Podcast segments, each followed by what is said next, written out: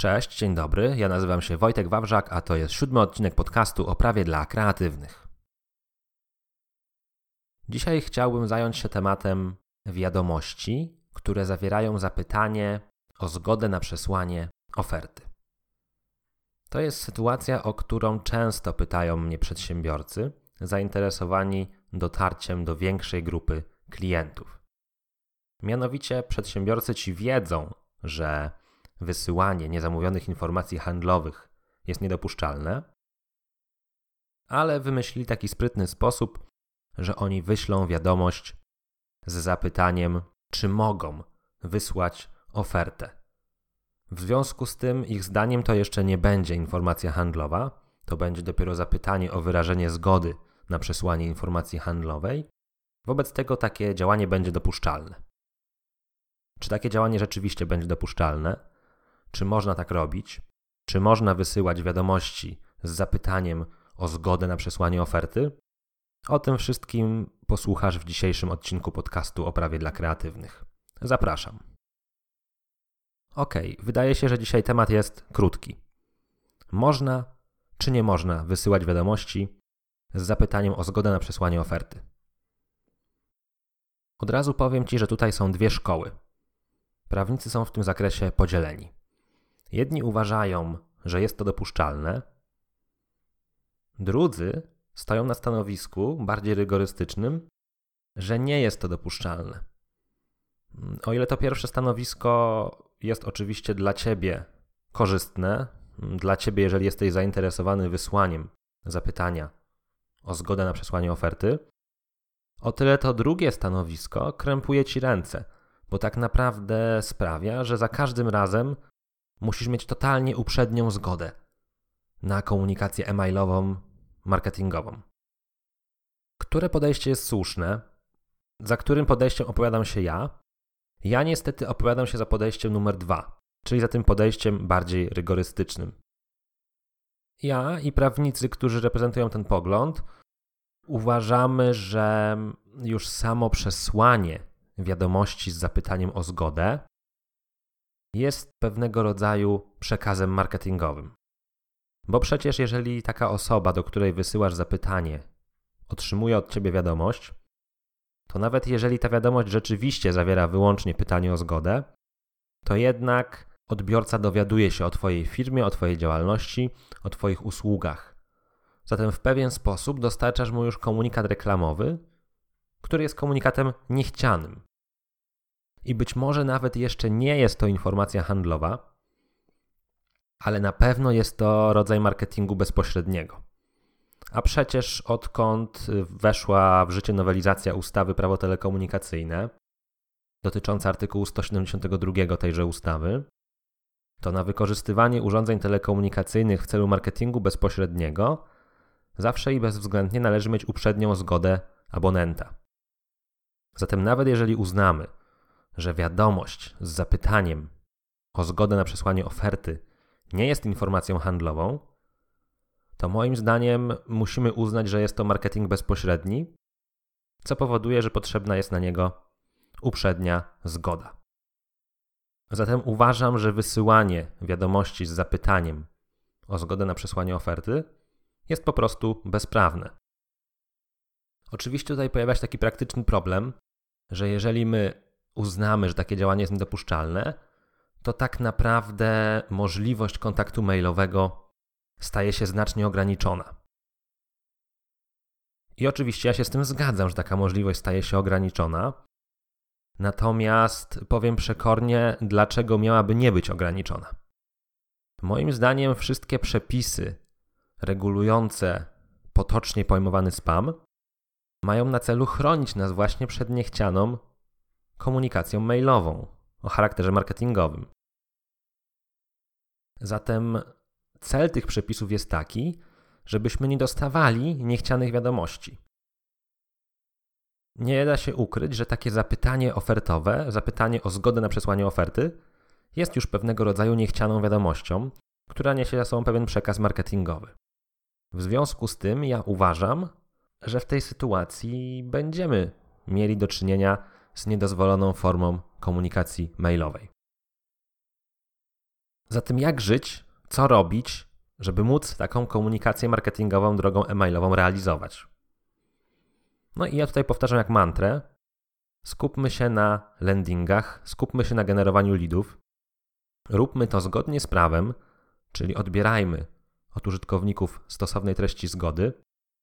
Budujmy wartościowe listy mailingowe ze stosownymi zgodami i wtedy takie działania będziemy mogli realizować. Czyli ja jestem zwolennikiem tego, że trzeba włożyć jednak sporo wysiłku, by takie maile w sposób w 100% legalny pozyskać i potem móc je eksploatować. Docieranie do maili powszechnie dostępnych i wysyłanie do nich zgody, wiadomości z zapytaniem o zgodę na przesłanie oferty, jest moim zdaniem po prostu drogą na skróty. Już nawet pomijając aspekt prawny, pomijając, że w mojej ocenie takie działanie jest nielegalne, to moim zdaniem jest również słabe wizerunkowo.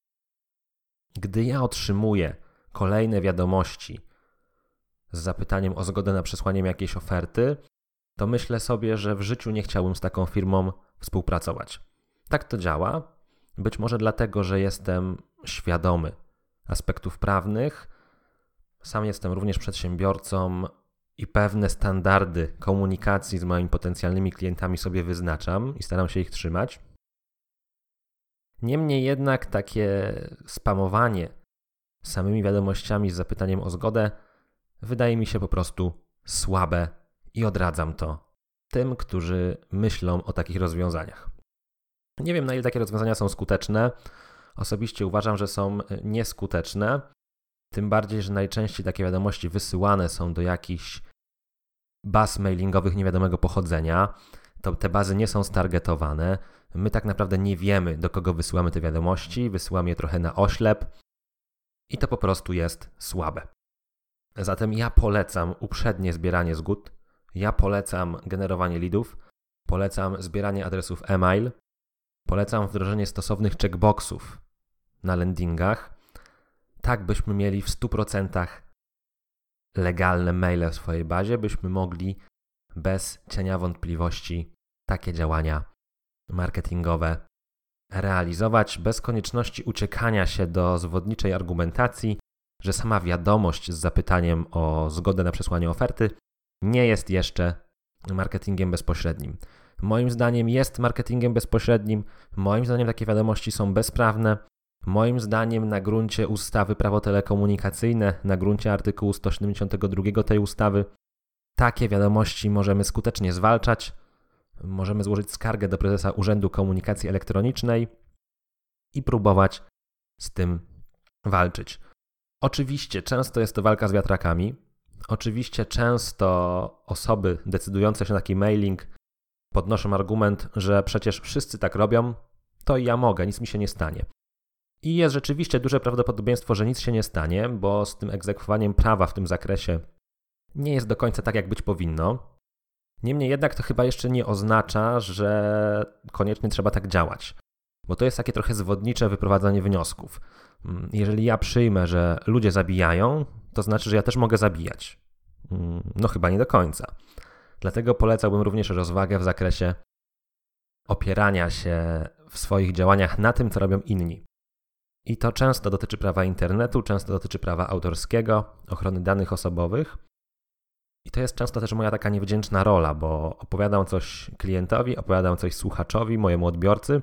A on potem mówi: No, panie Wojtku, ale przecież wszyscy robią inaczej i nic złego się nie dzieje. To co pan mi tutaj opowiada?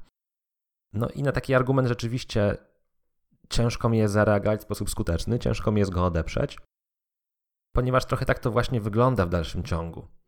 W dalszym ciągu działania internetowe realizowane przez wiele firm to są takie działania trochę partyzanckie partyzanckie z punktu widzenia prawa, to znaczy nie liczące się z y, wymogami prawnymi, bo prawda jest też taka, że gdyby chcieć w 100% zrealizować wszystko zgodnie z prawem, to trzeba byłoby się dużo napracować i prawdopodobnie efektywność tych działań by spadła, no bo wiadomo, user experience i tego typu sprawy. Ale odbiegłem trochę od tematu, a w zasadzie to nie odbiegłem, ale podzieliłem się swoimi refleksjami nie tylko stricte prawnymi, ale również takimi trochę wizerunkowymi takimi trochę z pogranicza podejścia do obsługi klienta i do filozofii swoich własnych działań. Na koniec powtórzę raz jeszcze.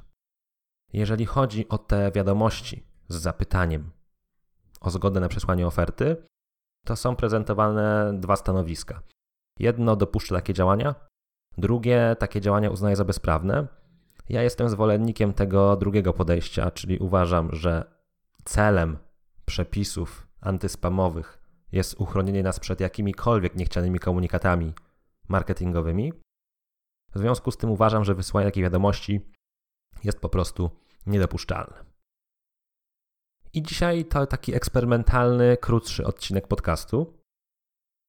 Widzę nagrywając, że mamy w tej chwili około 12 minutę. Stwierdziłem, że sprawdzę również, w jaki sposób działają takie krótsze formy. Czyli mamy konkretne pytanie i mamy konkretną odpowiedź. Nic na siłę, bez przedłużania. Mm, daj mi znać, co myślisz o takiej formie. Czy wolałbyś słuchać dłuższych odcinków, czy jednak wolisz takie skondensowane pigułki? Do tej pory nagrywałem odcinki około 20-minutowe. Dzisiaj ten odcinek będzie krótszy, ale wiem, że są osoby, które chciałyby posłuchać przez 40 minut, przez 50 minut, może nawet przez godzinę, bo wychodzą z tym podcastem na dwór, wychodzą pospacerować, czy też zostają w domu i wykonują jakieś obowiązki domowe i nawet 20 minut to dla nich mało. Ja jednak wyszedłem z założenia, że podcast prawniczy mm, nie może być zbyt długi, bo będzie przytłaczał odbiorcę. Dlatego dzisiaj jeszcze poeksperymentowałem i jeszcze skróciłem ten e, czas trwania odcinka. I nie będę już dalej przedłużał. Zostawiam Cię z tą myślą i prośbą o zastanowienie się nad wysyłaniem wiadomości z zapytaniem o zgodę na przesłanie oferty. Zastanów się, czy rzeczywiście taki sposób jest efektywny. I pamiętaj, że moim zdaniem taki sposób jest po prostu bezprawny. Jestem zwolennikiem landingów i uprzedniego zbierania stosownych zgód z wykorzystaniem checkboxów. A tymczasem zostawiam Cię z tym tematem. Wszystkiego dobrego, trzymaj się ciepło. Do usłyszenia w następnym odcinku. Cześć.